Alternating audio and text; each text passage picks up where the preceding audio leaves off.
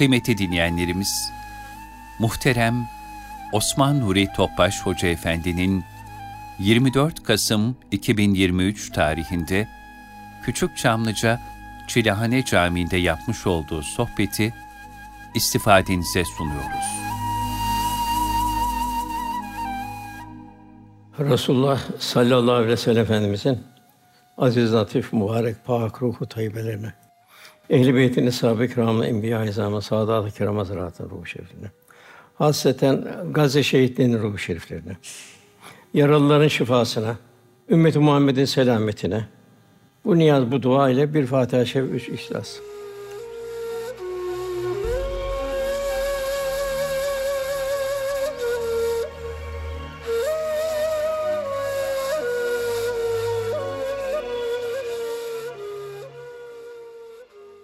Muhterem kardeşlerimiz, Tövbe suresinin 111 112. ayetleri okundu.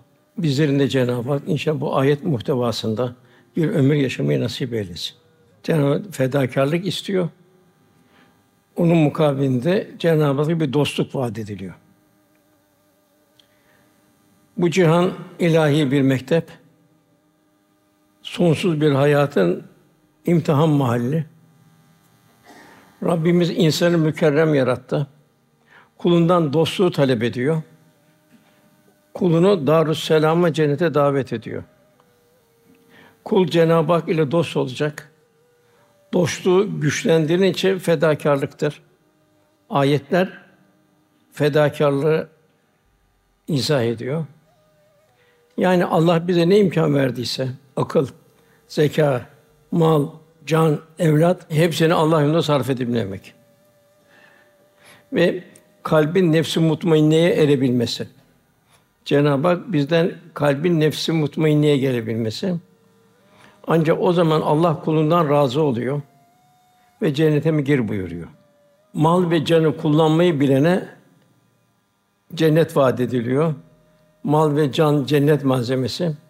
Ama Allah korusun, hafazan Allah nefsane arzuların istikamete kullanılırsa kişi kötü bir akibetin yolcusu oluyor.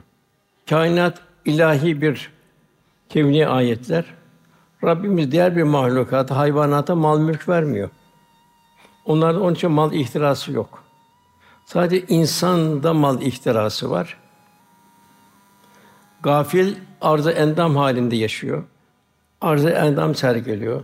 Gurur, kibir, gösteriş vesaire. Böylece kibre düşüyor ve malıyla aşağılık duygusunu bastırmaya çalışıyor. Kendini malıyla göstermeye çalışıyor. Yani halbuki mal Allah rızası için kullan, Allah rızası için verdi. Mülk Allah'a ait.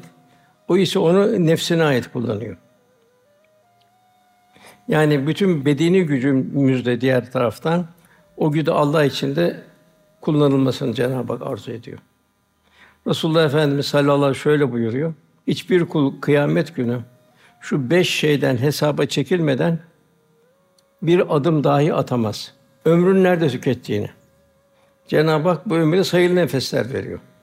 Öbür alem namütenahi. Bu sayılı nefesleri nerede kullandın? İki, ilmini nerede kullandın? Cenab-ı Hak ilmin zirvesi Kur'an-ı Kerim ihsan ediyor. İlmin nerede kullandı ve onunla ne ameller işledin? Ne kadar yaşadın? Kur'an'ı ve sünnet ne kadar yaşadın? Ve bu Kur'an'ın bildirdiği ilim ve hal. Diğer husus malını nereden kazandın? Bu en zoru bu.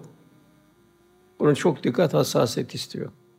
Ve mal nereye harcandığında tabii malı nasıl kullanırsan kullandığı yere doğru harcanır. Yani kişide mal sahibinde irade yoktur. Parada irade vardır. Kazancında irade vardır. Eğer titizlikle Allah yolunda güzel bir ticaret halinde eğer kazanmışsa o mal hayra gider. Yani malın insan röntgenini görmek isterse malının nerede sarf ettiğine bakmalı. Gençliğini nerede yıprattı? Bu sakal, saç nerede ağırdı? Beller nerede şakülünden kaydı, büküldü? Cenab-ı Hak ve men nu'ammiru nekkisu fil hark efela yakulun buyuruyor. Güç kuvvet verir, ömür verdiğimize sonra yavaş yavaş saç sakal ağrır, vücut takatten düşer. Efela yakulun insan akıl erdirmez mi? Yani demek ki burada da insan bir faniliği idrak halinde yaşayacak. Faniliği unutmayacak. Beka yalnız Cenab-ı Hakk'a ait. Diğer en mühim evladımız var mı? Varsa onu nasıl hak yoluna adadık? Cenab-ı Hak ayet Enfal suresi 28. ayette biliniz ki mallarınız ve evlatlarınız birer fitnedir, imtihan konusudur. Büyük mükafatı ahirette Allah nezdindedir. Dünyevi tahsil için çok gayretler ediliyor. Dünyevi tahsil yine mahdut bir zamana ait. Ne kadar o tahsil yaşayacağı belli değil. Esas olan tahsil ahiret tahsili, dünyevi tahsili mezcedebilmek. Biz bu dünyaya nefsani arzulara kul olalım diye gelmedik. Biz Allah'a kul olarak geldik. Riya bu dünya rufun Cenab-ı Hakk'a kul olabilmek ve Cenab-ı Hak'ta dost olabilmek başımızdan çok uzun zor hadiseler geçecek. Kabir var, son nefes var. Kabirde ömrümüzde kadar bilemiyoruz kıyamete kadar. Kıyamette bir kalkış var. Sayhadan vahide. Hesap kitap var ki peygamberler daha hesaba çekilecek. Cehennemimizden geçiş var. Velhasıl çok böyle zor anlar geçecek. Nübüvvetin 13. senesinde ikinci akabe biatı oldu. Mekke'de Resulullah Efendimiz'e biat ettiler. Abdullah bin Ravaha radıyallahu anh, Ya Resulallah, Rabbim ve kendin için bize dilediğini şart koşabilirsin dedi. Efendim Rabbim için şartın onu ibadet etmeniz, hiçbir şeyde ona şirk koşmamanızdır. Yani hayatınızın bütün muhtevasında İslam'ı yaşamanızdır. Kendi şartım ise canınızı, malınızı koruyorsanız ben de ölce korumanızdır. Allah'ın en büyük emaneti Resulullah Efendimiz. Medine'ye gelen sahibi toplu böyle yapar karşı ne var? Ya Resulullah dediler. Efendimiz cennet var dedi. Bunca oradakiler ne karlı bir alışveriş yaptık. Ya biz bu alışverişten asla dönmeyiz dediler. Bunun üzerine Tövbe suresinin okunan 111. ayeti nazil oldu. Ayet-i kerimede Rabbimiz şöyle buyuruyor. Allah müminlerden mallarını ve canlarını kendi verecek cennet karşısında satın almıştır. Ayet-i kerimeden çünkü onlar Allah yolunda savaşırlar, öldürürler, ölürler. Eğer bir savaşta canlar Allah yolunda adanıyorsa, hakiki şehitler veriliyorsa ardından daima zaferler gelmiştir. İşte Gazze'nin neticesini bekleyelim. Hendek Harbi'nde olduğu gibi Müslümanlar çok zor durumda kaldı. Arkada Yahudiler, önde müşrikler, soğuk, açlık vesaire. Acaba Allah'ın rahmeti tecelli etmeyecek mi de işlerine vesvese geldi. Efendimiz esas hayat ahiret hayatıdır diye teselli etti. Arkadan ayet-i kerimede Cenab-ı Hak gözükmeyen ordularını gönderdi. Bugün bu Çanakkale'de oldu, bugün Gazze'de oluyor. Cenab-ı işte gözükmeyen ordularını gönderiyor. Eğer bir harpte, bir savaşta yok ruhsuz kalpler, affedersin molozlar ölüyorsa ardından yıkımlar, hezimetler gelir. Vatan toprakları viraneye döner. Eshab-ı kiram dünyanın alayişinden uzak kaldılar. Nefsin tuzağı olan her türlü dünya nimetlerinden, nefsini arzulardan feragat ettiler. Sallallahu aleyhi ve sahabiye nasıl kazanılacağını, nasıl helal lokma elde edeceğini ve bunu nasıl sarf edeceğini talim etti. Yaşadıkları iman heyecanları içinde Çin'e gittiler, Semerkant, insan bunu her yere gitti. Afrika'ya girdiler. Allah'ın verdiği bu iman nimetini tebliğ etmek için. Zira Cenab-ı Hak sümmelesi öne yömizin anin nayim buyuruyor. Verdiğimiz nimetlerine soracaksınız. Bak bu seferler hiçbir zaman yorulmadılar, üşenmediler. Bittim, yoruldum ifadeleri olmadı. Bugün aynısını benzeri tarihte görülür ibaret Gazze'de görüyoruz. Yani onlar o eshab-ı kiram Allah onlara o dostun sonsuz bir lezzetini verdi. Allah ile onlar olan dostluklarına büyük bir haz ve lezzet halinde yaşadılar. Eshab-ı Kiram insan olan her yere sefer etti. Ve Eshab-ı Kiram erkeğiyle, hanımıyla Allah Resulü'nün yoluna daima feda can halinde yaşadılar. Birkaç misal. Hicret esnasında Sevir mağarasına doğru giderken Hazreti Ebubekir radıyallahu anh Resulullah Efendimiz bazen önüne geçiyordu, bazen arkasında yürüyordu. Yani kâh önde kâh arkasında yürüyordu. Allah Resulü sordu. Ya Ebu Bekir dedi. Niçin böyle yapıyorsun dedi. Bir arkada bir öndesin. Ebu Bekir radıyallahu anh, Ya Resulallah, müşriklerin arkamına yetişebildiğini düşünüyorum. Kendimi ise siper ediyorum. Onun için arkadan yürüyorum. İleride pusu kurup beklediklerini düşünüyorum. Önünüzde yürüyorum. Size geleceğini bana gelsin ya Resulallah. Sonra Sevir mağarasına ulaştılar. Ebu Bekir radıyallahu ya Resulallah ben bu mağarayı temizleyinceye kadar siz burada bekleyin buyurdu. Mağaranın için temizledi. Eliyle yokluğu bir delik varsa üst şeyinden bir parça kesiyordu yeleğinden oraya tıkıyordu. Hepsini tıkadı bir delik kaldı. Or- orada ayağını uzattı. Ya Resulallah buyurun dedi. İstirahat edin dedi. Artık gelebilirsiniz buyurdu. Hazreti Ebu Bekir radıyallahu anh üst kısmı elbise olmadığını fark eden Allah Resulü, elbisen nerede ey Ebu Bekir dedi. Ebu Bekir radıyallahu anh yaptıklarını anlattı. Bu vefa karşısında en son da duygulandı. Mübarek eline kaldırarak Ebu Bekir radıyallahu anh için dua etti. Resulullah Efendimiz sallallahu aleyhi ve sellem hidayet davet mektubu krallara göndermek istediğinde eshab-ı kiramın hep birden bu şerif vazifesinin kendine tevdi edildiğini görüyoruz. Efendimizin arzusunu yerine getirmek uğruna her türlü fedakarlığa göze alıp hiçbir mazeret üretmeden canla baş hizmete talip oluyorlardı. Sarp dağlar ve ıssız çöller aşağı gittikleri diyarlarda cellatların arasından geçip kralların huzurunda Allah'ın Resulü'nün mektubunu büyük bir iman cesaretiyle okuyorlardı.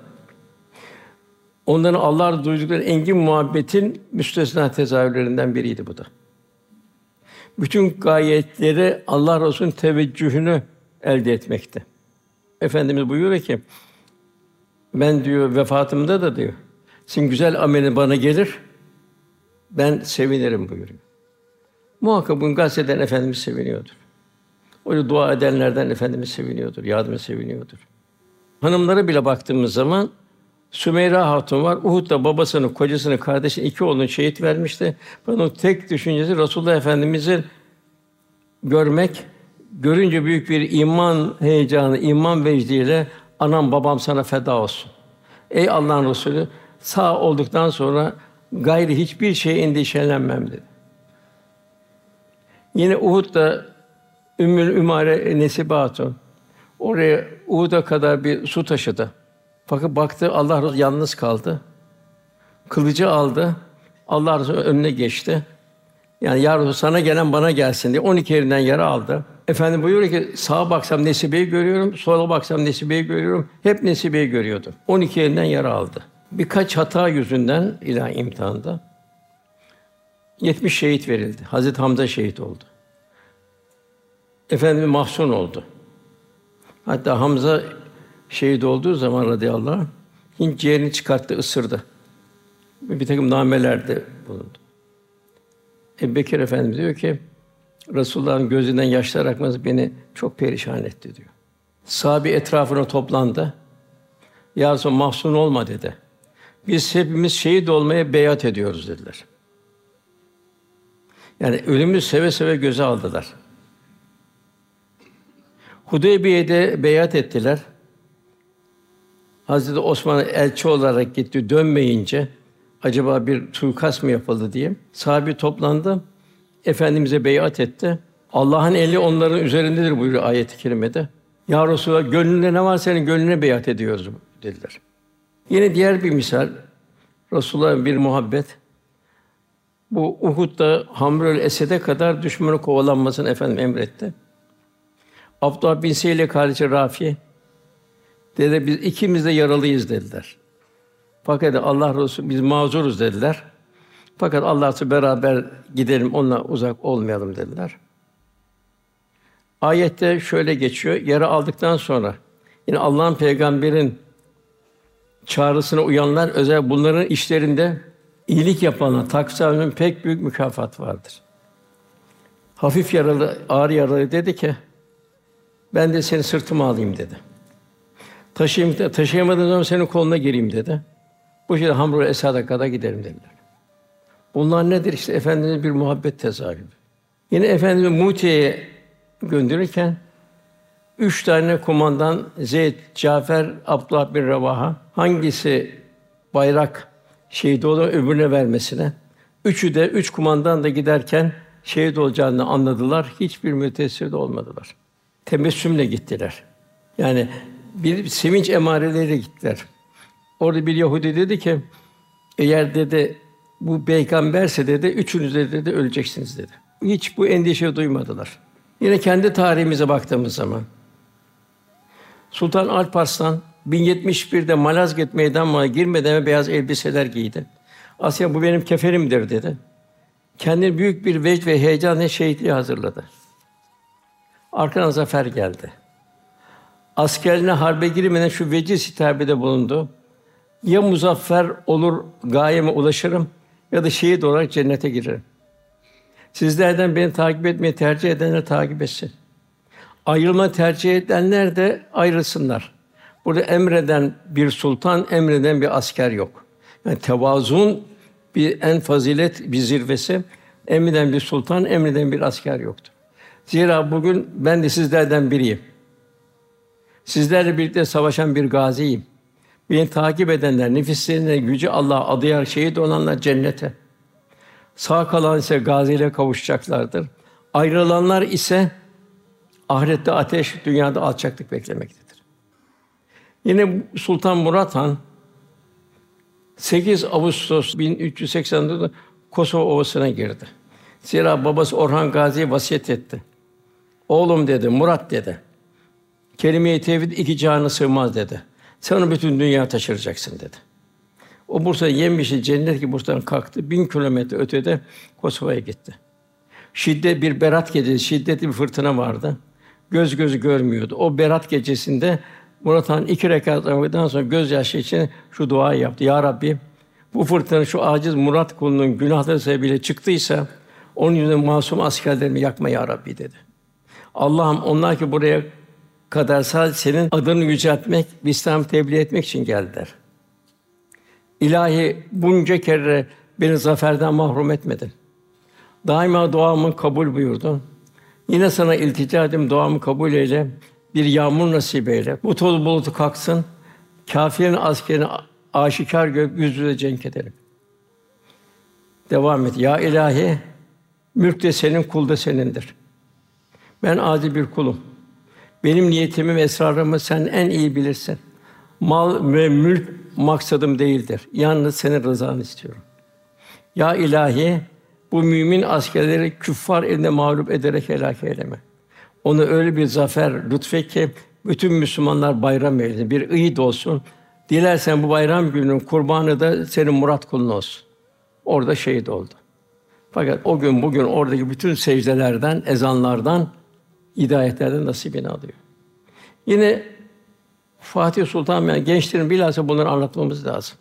İstanbul hazırlık yaparken 14 yaşında bu hazırlığa başladı. Bu hadiri içinde ya İstanbul beni alır ya ben İstanbul alırım dedi. Fatih Sultan Mehmet'in askerleri de elbet İstanbul fetholunca onu fetheden kumandan ne güzel kumandan, onu fetheden asker ne güzel askerdir. Hadisin muhtevasını girebilmek için canhıraş mücadeleye girdi. Rum ateşleri, kızgın yağlar üzerine dökülürken suların tepesinden ona tırmanıyorlardı. İman ve birbirlerine telkin ediyorlardı. Bugün duada şehit olma sırası bize geldi diyorlardı. Ecdadım orada şehit olma aşkıyla düşmanla çarpıştı. Büyük bir zaferlere nail oldu. Hatta Hamilton diyor. Biz diyor gökten inenleri gördük diyor. Demek ki mühim olan cennet bizi bekliyor. Canı ve malı Allah'ın seferber edebilmek bu gerçek zaman Allah'ın nusreti tecelli ediyor. Yine her Fatiha'yı okur. İyyâken abdü ve istayın. Eğer biz toplu halde bir iman vecdiyle Allah yoluna gayret edersek Allah'ın yardımı geliyor. Bu tarihen sabit bu. Can ve mal Allah'ın dostluğuna nail olmak için bir malzeme. Rabbim şöyle buyuruyor, bir test bu. İmtihan testi. Lenteno bir rattatun fumatibun sevdiklerinizden vermedikçe Allah'a yakın olamazsınız. Neyi seviyorsun? Paranı. Neyi seviyorsun? Canını. Neyi seviyorsun? Evladını. Velhasıl neyi seviyorsan onu Allah seferber edeceksin. İşte bu aslı saadet bunun en güzel bir numunesi. İnsan canını çok sever, malını da çok sever. Bu hak yoluna feda edildiği zaman Cenab-ı Hak ile bir dostluk alışveriş orada başlıyor. Cenab-ı Hak buyuruyor, bu Tevrat'ta ve İncil'de ve Kur'an'da Allah bize bir hak bir vaattir. Velhasıl Rabbimiz müminlerden mallarını bir canlı kendi ve cennet karşısında satın almak istiyor. Cafer Sadık Hazretleri şöyle buyuruyor: Ey Adem oğlu, canının kadrini bil. Allah Teala sana canının kadrini öğretti. O senin canın karşısında cennetten başka bir bedel razı olmadı. Mevlana Hazretleri Mesnevisinde zavallı insan diyor. Zavallı insan. Kendini gereği gibi bilemedi. Tanıyamadı. Çok ötelerden, yüzlerden, ezel aleminden geldi. Bu noksanlar aleminde bu kirli dünyaya düştü. İnsan kendini ucuza sattı. O çok değerli atlas bir kumaş gibiydi. Tuttu kendini bir hırkaya yamadı. Yani demek ki insanın yüzünü kendinde bulunan ilahi emaneti yani ruhuna çevirmesi. Onun huzuruna ikmale çalışması lazım. Çünkü insan bedeniyle değil, ruhu ile insandır. Bedeniyle olamaz çünkü belhum edal buyuruyor. İşte hayvandan daha aşağı. İşte bunu bugün de görüyoruz dünya sahnesinde. En büyük lütuf Rabbimiz var. Bizi yoktan var eden Cenab-ı Hak. Sayıya gelmeyen nimetleri ihsan eden Cenab-ı Hak. Onu bizi perverde etti. Lütfu kerimiyle ifade eden bütün hayırları bize yapma gücü, kuvvetin ihsan eden yine Cenab-ı Hak. Bütün eksik, noksan ve kusurların bizlerden o ibadet hayırları kabul buyuran bir noksanlara rağmen kabul buyuran yine Cenab-ı Hak. Rabbimiz Câsiye suresinde ikramını bildiriyor. O göklerde ve yerde ne varsa hepsini kendi kadından bir lütuf olarak insana amade kıldı. Elbette düşünen bir toplum için ibretler vardır. Tabi kalp varsa, güneş amade, ay amade, atmosfer amade, toprak amade, birçok hayvanat amade, meyveler, sebzeler vesaire amade, amade, amade. Yani buna mukabil de kulundan teskiye olmuş bir kalp istiyor. Teskiye olmuş bir kalp olmadan olmaz. Fe elhama fucuraha ve takvaha. Demek fucur kalpten silinecek. Yani kalpte fucur varken cemali sıfatlar tecelli etmez o kalbe. Temizlenecek, bütün cemali sıfatlar o kalpte tecelli edecek. O zaman bir dostluk başlamış olacak. Teskiye edildi. Teskiye nefsani arzuları bertaraf ve ruhani istidatları inkişaf ettirme. Kul ve ve mahkum eyne mahkumdum ilahi bir müşahedenin altında bunun şuur ve idrak halinde yaşamasıdır. Kul nasıl olacak Kur'an-ı Kerim'de? Kalbi selim. Nasıl dünya doğuşta tertemiz geldi? Yine Cenab-ı Hak senin huzur ilahiye, ibadet, taat, muamelat, muaşeret tertemiz gitmeni istiyor. Kalbi münib istiyor. Hakka dönmüş bir kalp istiyor. Nefsi mutmainni istiyor. Allah sana ne verdi? Hepsini Allah yolunda bir malzeme olarak, bir Allah Cenab-ı Hak dost olarak kullanmanı arzu ediyor. Kul nefsani arzuna düşmekten imtihan edecek. İnsanı felakete götüren nefsani arzular, gurur, kibir Allah cehennemde temizlenecek buyuruyor Efendimiz. Kibir varsa bu cehenneme girecek, orada temizlenecek. Riya, gösteriş, gıybet, haset, iffet, kendini vitrin etme sevdası. Bunların hepsi kulluğu zedeleyen hususiyetler. Merhamet, şefkat, yerganlık, cömertlik, fedakarlık bu da Cenab-ı Hak yaklaşan hususiyetler. Bu maldan ve candan fedakarlık, cennete girmemin iki mühim şartı. Mümine yakışan bir gün mutlaka bırakıp gideceği fani dünya nimetlerini Allah rızası istikametinde kullanarak hakiki ve kalıcı saadet sermayesi kılabilmektir. Zira müminin esas serveti hayır hasenatta bulunmak suretiyle ebedi hayat için gayretleridir. Beşi bin Hassasi anlatıyor. Resulullah beyat için geldim diyor. Resulullah Allah'tan başka ilah olmadı ona. İslam'ın şartlarını anlatınca dedim ki ben ey Allah'ım vallahi bunların ikisine gücüm yetmez. Bir cihat. Çünkü benim canım çok kıymetli. Kendime göre. Bir de sadaka. İnsanlar cihattan kaçan kimseye gazap ettiğini bildiriyorlar. Ben cihat meydanına gelince nefsimi ölüm korkusu kaplayıp kaçmaktan endişe ediyorum. Sadaka beni benim malım küçük bir koyun sürüsü. On tane devemden ibe, on da ehlime maişet kaynağı binek hayvanlarıdır. Resulullah Efendimiz bunun üzerine benim de elimi tut iyice böyle salladı elimi diyor. Epey bir sallandım diyor böyle diyor. Peki dedi cihat yok. Sadaka yok.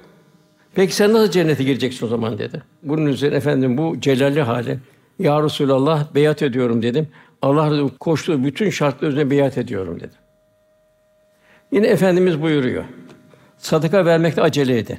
Çünkü bela sadakanın önüne geçemez. Bu çok mühim. Sadaka vereceksin ki belanın, musibetin gelmesine sadaka mani olacak. Zira Cenab-ı Hak uzun sadaka atmıyor. Sadakalı ben alırım buyuruyor. Bu infak edilecek. Bunun bir edebi var. Nasıl Cenab-ı Hak bir namazda bir huşu hali istiyor. Oruçta ayrı ile aleyküm tettekun buyuruluyor. Bu infakta da dikkat edin bazı edep kaideleri var. Burada ihlasa dikkat edilecek. Dünyevi menfaat beklentileri infakta bulunmayacak. Övünmeye de vesile olmayacak. Zira içine necaset damlayan bir menba suyu nasıl ki bütün safiyetini yitirirse dünyevi niyetlerle bulanık olan ifade ibadetler de makbuliyetini kaybeder. İkincisi örnek olmak veya başkalarını hayra teşvik etmek için durumların dışında sağ elin verdiğin sol elin duymayacağı da gizliye riayet etmektir. Tabi bu mecburiyet karşısında. Bu şekilde infak edenler günahları affeden, kıyamet dehşet günde arşın gölgesi altında himaye edilecek olan bahtiyarlardandır. Sağ elin verdiğin sol elini görmeyenler. Diğer bir husus ayette başa kalkmak, incitmek sureti sadakaları boşuna çıkarmayacaktır. Ya sana daha dün verdim, yine geldim başıma, yine şey oldu. Ticarette meşgul olurken rahmetli pederimiz de bazen gelir dükkana otururdu. Tezgahtardan biri de gelen bir sahile. Ya dedi, daha dün verdik yine geldin dedi. Babam çağırdı onu rahmetli. Gel oğlum dedi. Bak de Allah bize sabah veriyor, kahvaltı ettik. Devam biz Allah'tan istiyoruz. Bu senden dün gibi bir gün sonra istemiş. Niye çeviriyorsun dedi. Durumuna göre bakarsın, olmazsa az olarak verin. Fakat çevirme yok.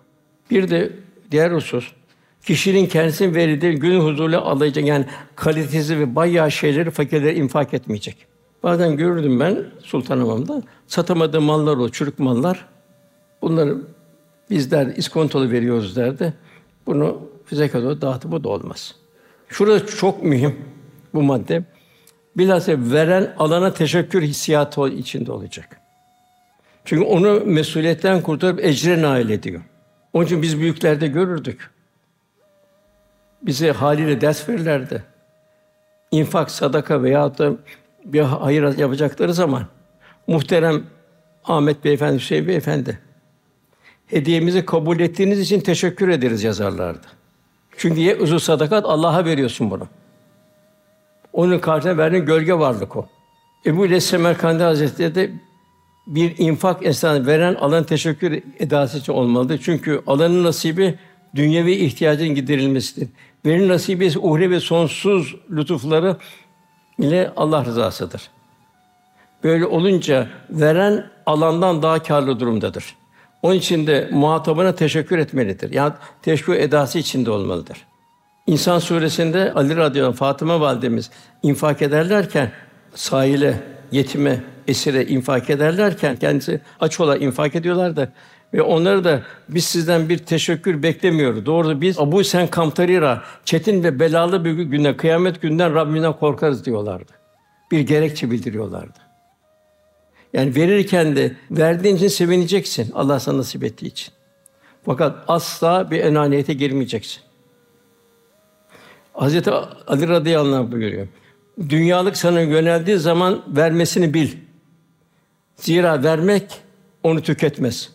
Dünyalık senden yüz çevirdiği zaman yine ver. Çünkü o devamlı kalmaz. Yoksul zamanında sadaka verince Allah'la ticaret yapmış olursunuz. Size o bol rızık verir buyuruyor. Dikkat edin diğer bir husus. Vefasını göreceğimiz evlat. Bize sadaka icabı evlat. Onu Allah yolunda yetiştirmemiz lazım. Ki ardımızdan bir sadaka cari olsun. Canım şimdi bu fakülteye bizim bilmem sonra yapar. Yok o. Son yapmıyor. Sonra onun da cenemetini sen çekeceksin öbür tarafta. Diğer vefasını göreceğimiz dost. Allah için sevip zor zamanda kardeş olduğumuz dosttur. Vefasını göreceğimiz dünya malı da şimdiden infak edip ahirete gönderdiklerimizdir. Sahabenin 23 senelik efendimizin nebi hayatına baktığımız zaman 13 sene Mekke hayatı var. Müslümanlar Mekke'de imanı uğruna canını ve malını tehlikeye atmaktan çekinmedi. Bu yüzden imanını korudu. Malını verdi, canını verdi, imanını korudu. Medine'de dinini yaşamak için bütün fedakarlığa katlandı. Şer-i şerifi her gelen ayeti yerine getirdi. Diğer taraf bir taraf Yahudiler, bir taraf Mekkeli müşrikler, bir taraf münafıklar üç ateşin arasında sahibi İslam'ı yaşadı ve yaşattı. Cenab-ı Hak'tan inen her ayeti semînâ ve ata'nâ dediler. Üçüncü olarak üçüncü madde Cenab-ı Hak ile dostun bir şükranesi.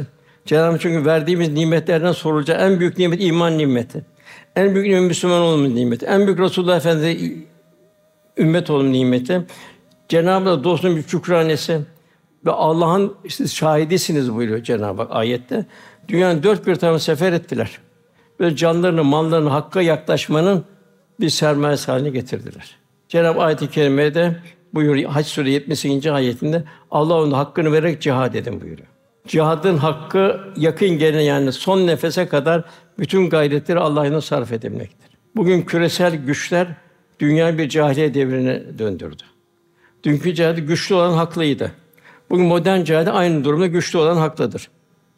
Zalim işgalcilerin hunharca saldırılarını meşru savunma hakkı diyerek ilan ediyorlar. Zalim kendini mazlum gösteriyor.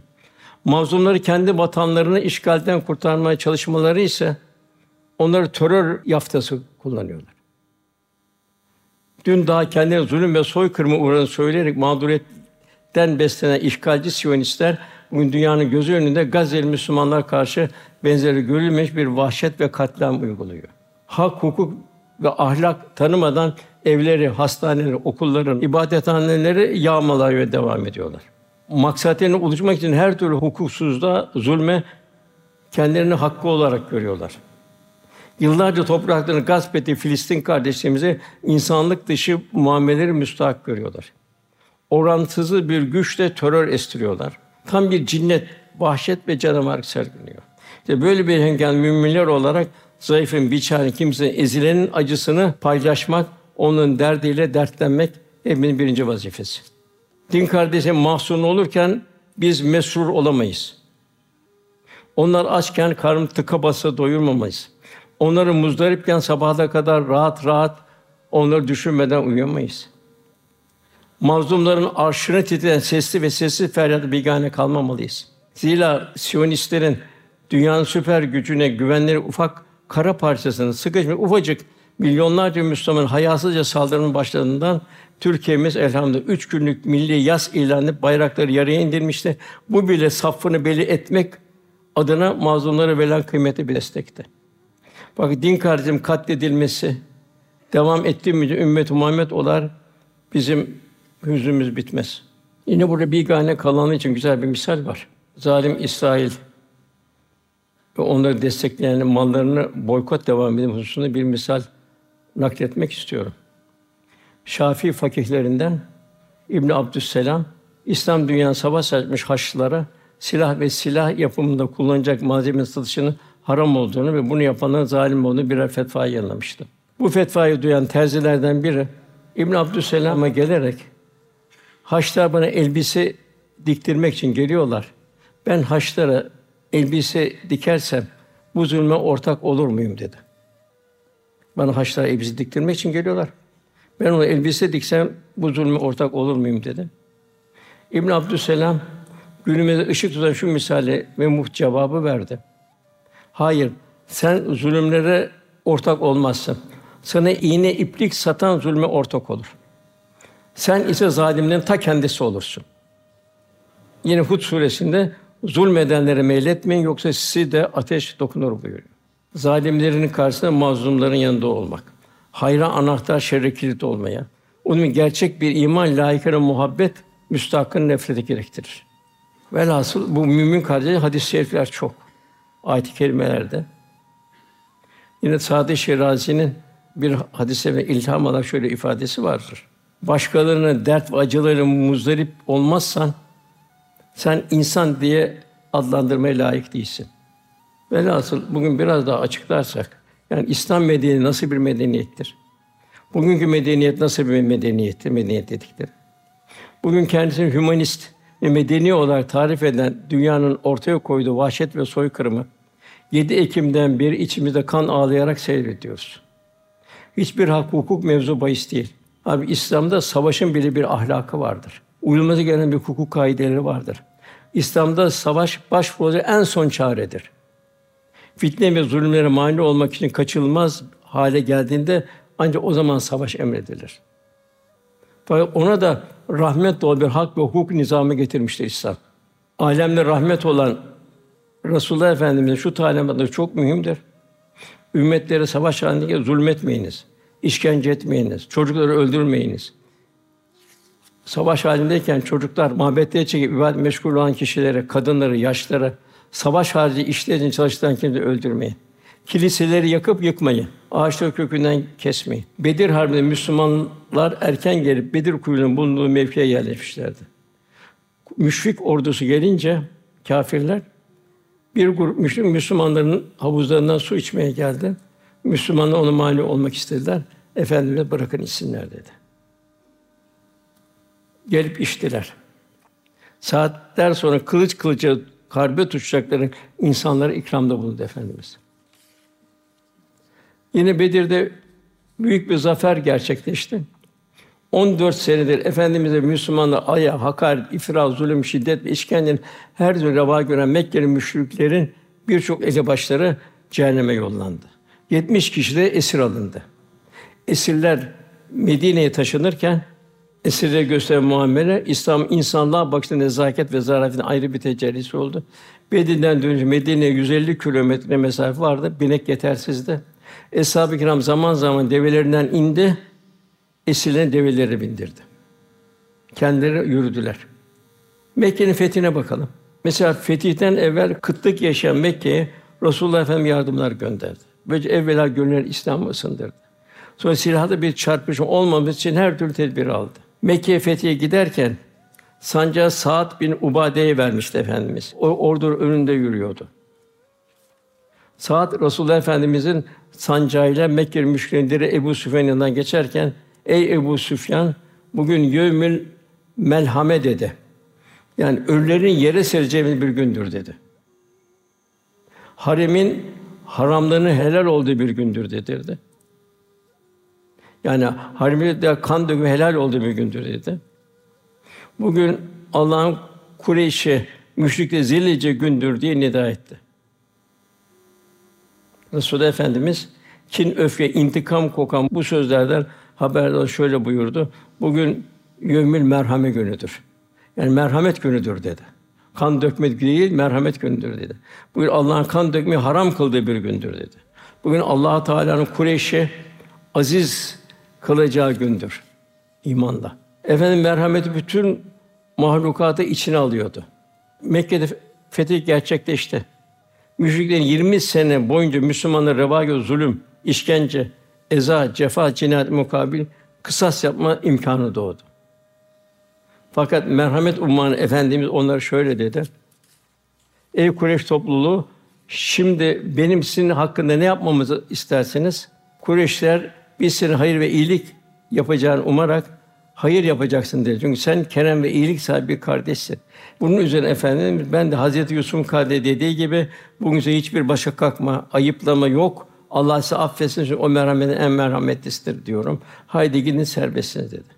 Bir dünya bugün bir medeni denilen lafta dünyaya bakın. Bir de bir de dönüp asıl saadete bakalım. Tarihte de böyledir. Yani Osmanlı fethettiği yani fakir halkına da ev verdi sadaka olarak. Batı katliamla dolu karnesine rağmen bir de tutup İslam terör şiddet yeni göstermeye çalışıyorlar. Baktığımız zaman Birinci Dünya Harbi'nde, İkinci Dünya Harbi'nde insan öldürdüler. Buna terör demiyorlar.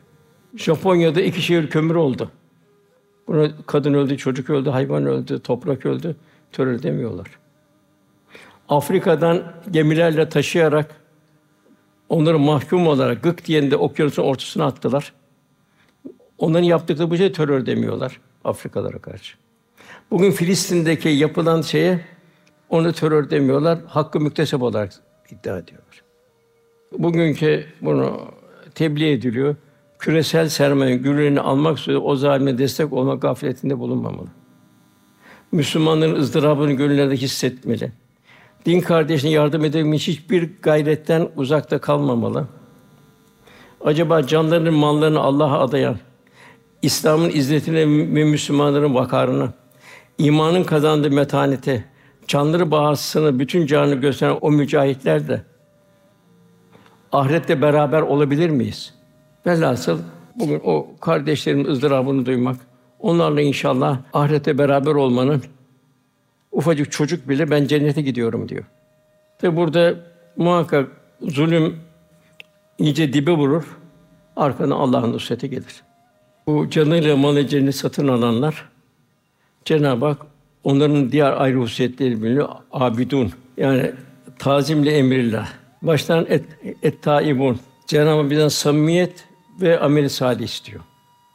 Bu kulların bu canıyla malıyla cenneti satın alan kulların bir şeyde budur. Onlar daima et tabi tövbe halinde olmadı. Cenab-ı Hak bir ayette ise azap gelip çatmadan Rabbime dönün, onu teslim olun sonra ise yardım edilmez buyuruyor. Tövbenin şartları vazgeçme. Hem tövbe hem devam olmaz. Pişmanlık, had safhada pişmanlık olacak. Nefret edecek o çocuklar. Ve bu nefretin de amel salihlerde tezid edecek. Ondan sonra el abidun tazimli emirler, ruh ve beden ahengi içinde ibadetler böyle ibadetler bunlar ruha bir gıda olacak. Ona el hamidun Cenab-ı Hak hamd hamd halinde olan kullar. Cenab-ı Hak buyuruyor? Hamd En'am birinci ayette gökleri ve yeri yatan, karanlıkları ve aydınlığı var eden Allah'a mahsustur hamd. Cenab-ı Hak daima bir elhamdülillah rabbil alemin bir hamd halinde olacak. Ondan sonra es-saihun. Burada oruç tutanlar. Yani ilim, cihat, ibret, tefekkür için seyahat etmek, dini özgürce, huzurlu yaşamak için hicret etmek manaları gelir. Ondan sonra er-râkiûn es-sâcidûn rükû ve secde edenler. Rükû ayrı bir güzellik olacak. Bir müminin secdesi ayrı bir güzellik olacak. Namaz müminin maddi ve manevi ihtiyaçlarını Cenab-ı Hakk'a arz etmesidir. Belkten kurtulup ondan istemesi bir hiçlik halidir. Secdede bir yaklaş Cenab-ı buyuruyor. Yine Cenab-ı Hak buyuruyor Arif 31. ayet Ey Adem oğulları her mesile gidişinizde ve her sene güzel elbiseler giy. Yani pasaklı bir şey ilahi huzura durmayacaksın. İlahi huzur durunun farkında olacaksın. Mümin kıldığı namazın bütün ecrini almanın gayreti içinde olacak. Efendimiz buyuruyor ki kul namaz kılar. Yarısı üçte biri, dörtte bir vesaire gider onda biri kalır buyuruyor. Allah korusun eğer evlatlarımıza zaman namaza alıştırmadık. Geçti artık. Ondan sonra zor. Gitse bile yalap şalap bir namaz olur, cuma namazı o kadar. Kitaplar var, kevni ayet var, peygamberler var. O kadar irşat var. Her şeyle irşat var. Niye cehennemlik oldunuz diyorlar. Onlar bir şeyim şöyle biz namaz kılanlardan değildik diyorlar. Evladına sevgi son muhabbet anne baba evladını ufak yaşta namaz alıştırmalı. Sonra geçti artık. İkincisi biz egoistik diyorlar. Menfaatperestlik diyorlar. Biz açları doyurulanlardan değildik diyorlar. Bu da merhametsizlik, bu da bir facia. Hatta yavrulara ufak yaşta yani haçlık vermeli. Bunun şu kadarını da bir fakire vereceksin demek. Onu onu alıştırmamız lazım. Üçüncüsü batılı dalanlar beraber yaşadık. İşte maalesef bu internetin mesela medyanın yanlış şeyine kapılıp gidenler. Ondan ne oluyor? Kalp kara lekeler artıyor. Biz diyor ceza günü yalan sayanlar da olduk. Ondan ölüm geldi cadde diyor. Ondan sonra gelen madde bu canı malıyla gayret edenlerin durumu emri bil maruf nehi anil münker. Bu 11 yerde geçiyor. Demek ki bir kul Allah'ın kendileri bu nimetin bedelini ödeyecek. Yavrularını muhakkak bir Kur'an-ı Kerim terbiyesinden geçirecek. Vazifelerimiz Allah Resulü'nün insanları nasıl yetip terbiye ettiğine çok dikkat etmemiz icap eder. Onu seven Efendisi onun gibi insan yetiştirmeye gayret eder. Cahiliyenin yer vahşi insanları nasıl bir eğitime tabi tuttu ki onlar gökteki yıldızlara döndü. Efendimiz Eshab-ı Sufa'da yaptığı eğitim bizim için en güzel örnektir. Kendi yaşıyordu, yaşayışıyla Eshab-ı Kiram taklit ediyordu. Efendimiz muhacir severdi, ensar da severdi.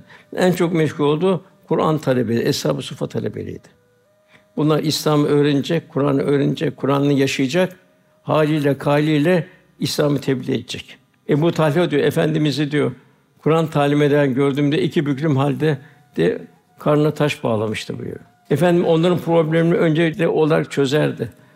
Açlığını doyururdu. Çıplağını giydirdi. Hastanın hastalığı ilgilendirdi. Ondan gelen madde Allah'ın hudutlarını koruyanlar. Ey iman edenler Allah rızası önüne geçmeyin. Allah'tan konuşup Allah işten bilendir buyuruyor. Mümin olabilmenin mesuliyetimiz. Her medeniyet kendi insan tipini yetiştirir. Bizim medeniyetimiz aslı saadet medeniyetidir. Faziletler medeniyetidir. Şahsiyet ve karakter olarak bizler de bu medeniyeti temsil etmemiz icap eder. İnsanlar fazilet, güzel ahlakta numune olabilmemiz zaruri. Cenab-ı Hak buyuruyor, siz insanların iyiliği çıkarılmış en hayırlı bir ümmetsiniz.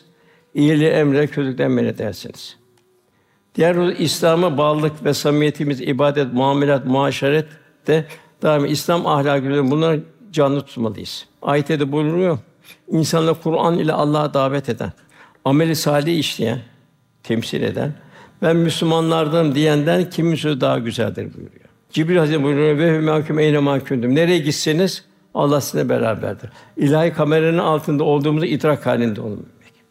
Ve yine ve nahnu akrubu ileyhi hablil verid. Cenab-ı bize şah damarından daha yakın. Senin zihninden geçen bir sen biliyorsun, bir de Allah biliyor. Başka kimse bilmiyor. Allah'ın bilmesinden gizleyemezsin. Onun için Cenab-ı Hakk'a daima tövbe, istiğfar halinde olmamız lazım. Cenab-ı Hak yine Kur'an-ı Kerim'de şeytanın kendisine tabi olan yalancı vaatte kulak veren mal ve evlatlar ortak olacak beğenmiş. İşte bugün de malları ve evlatlar ortak olmuş durumda. Yani bugün evlatlarımız en mühim ateşten koruyabilme. Dördüncüsü Peygamber Efendimiz kıyamette bizim halimiz şahit olacağını, hayatım hiçbir anında unutmamamız icap eder. Ayette buyuruyor, işte böylesi insanlar şahit olmanız, Resul de peygamber şahit olmaz ise muhtedi bir ümmet kıldık. Beşincisi ahirete ikra kitabek kefa bi nefsikel yevme aleyk hasiba kitabını oku bugün sana nefsin kafi diyecek. Gözün konuşacak, kulağın konuşacak, dilin konuşacak. Mekan konuşacak. Altıncısı Kur'an kursu. Yaygın eğitim. Allah'ın hizmetlerimizi kendime bir nimet bileceğiz. Zira Cenab-ı Hak Kur'an hizmetinde ticareten len tabur buyuruyor. Hayırlı bir en iyi ticaret olduğunu bildiriyor. Bunda üç şey var. Kur'an-ı Kerim yaşayanlar, yaşatanlar, yırtmaya tilavet edenler, namazı ikame edenler, Allah'ın verdiği nimetleri Allah yolunda gücü, kuvveti neyin var sarf edenler evladın bu ticaret elinden temur umulur ki beklenir bunlar kurtuluştadır. Efendimiz çobansınız buyuruyor. Bir çoban ne yapar? Güttüğü sürünün halde rüyesini anlar. Çoban ne yapar? Sürüsünü otlak yerde yer, o dinlendirir, orada gıdanı kurak yere sürmez. Evladın o şekilde olacak. Kurak yere sürmeyeceksin evladın. Sürünü kurtlar ve canavarlardan koru. Bugün de aynı evladını bir takım yanlış yayınlardan vesaireden koruyacaksın. Hasta olan bir kuzuyu da kurtları bırakmaz, kucağına alır süreye dahil eder. Merhametli olacak bir mümin. Bazen önden arkadan gelerek daimi mesul olduğu sürüyü kontrol eder. Yine idarecilere Hazreti Ömer radıyallahu anh. Sertliğin aşırısı kin doğurur. Sevgiyi zedeler. Hoşgörü aşırısı da otoriteyi zayıflatır. Selameti orta hali bulunmak gerçekleşir. Velhasıl kendimiz bir muhasebe edelim. İslam'ın bizlere ne kadar büyük bir nimet olduğunu tefekkür etmeliyiz. Bugün Cenab-ı ister şükredici ol, ister nankör ol buyuruyor. Ne kadar şükür halinde olmalıyız. Resulullah Efendimiz şayet bizim yanımızda olsaydı nasıl davranırdık? İdrak şuur haline getirmeye gayret edeceğiz. Allah Resulü bir evimize gelse ziyarete tebessüm eder mi? İş yerimize gel tebessüm eder miydi? Beşeri münasebette bulunu görse tebessüm eder miydi? Daima kendini bir muhasebe etme durumdayız. Velhâsıl kalp tarakki edecek. Her gördüğü şeyde Cenab-ı Hakk'ı hatırlayacak. Elhamdülillah Rabbil Alemin diyecek. Elhamdülillah ne büyük bir nimet. En yüce peygamber ümmet olduk. En güzel kitap Kur'an muhatap olduk. Cenab-ı Hak bizi mükerrem yarattığını bildiriyor. Mükerrem olarak yaşayacağız, muhterem olan cennete layık hale geleceğiz. İslam ne kadar da İslam hakkında kültürümüzü arttıracağız. Evlatlarımıza İslam kültürünü vereceğiz. En büyük kültür İslam kültürüdür. İslam dünya görüşünü ne kadar biliyoruz? İslam dışı şeyler hayatımıza giriyor mu? Biz ve çocuklarımız günümüzde insan ruhunu zehir serpen televizyon, internette, modaların, reklamların ne kadar tesir altındayız, menfilerine. Toplumu zerk eden ahiretsiz bir dünya telakkisi karşısında bizim takvamız, bizim halimiz ne olacak? Yapılması gereken nedir? Kur'an-ı Kerim'e sarılmak. Hüdenlil müttakin. Çünkü Kur'an-ı Kerim'i ne kadar takva yaşarsak o kadar takva sahibi oluruz. Muhterem kardeşlerimiz, tabi bunlar hepsi tezkiye içinde oluyor. Onun için felema fucura kalpte fucurlar varken olmaz. Kalpten fucurlar çeviri, kalp takvalı müzeyyen olacak. Kat eflâ men zeka, kat eflâ men tezekâ. Kalpler Cenab-ı Hakk'ın cemali sıfatı mazhar olacak. O şey Cenab-ı Hakk'a dostluk olacak. Allah cümlemize nasip eylesin. Allah ümmet-i Muhammed'e selamet versin. Bütün şehitlerin ve gazi şehitlerine Cenab-ı Hak rahmet eylesin. Gazilerimize şifalar ihsan eylesin. Onları elimizden, dilimizden, gönlümüzden düşürmeyelim. Zafer iki şeyle olur. Bir Serhat ordusu. Onlar Serhat'te bütün gücüyle gayret ediyorlar. Canları bağ gayret. İkincisi de dua ordusu. İnşallah dualarımızda inşallah o kardeşlerimi unutmayalım. Ki yarın o kardeşlerimiz de yarın öbür tarafta Allah Resulü sallallahu aleyhi ve sellem civarında beraber olalım inşallah. Duamızın kabulü niyazı lillahi teala Fatiha.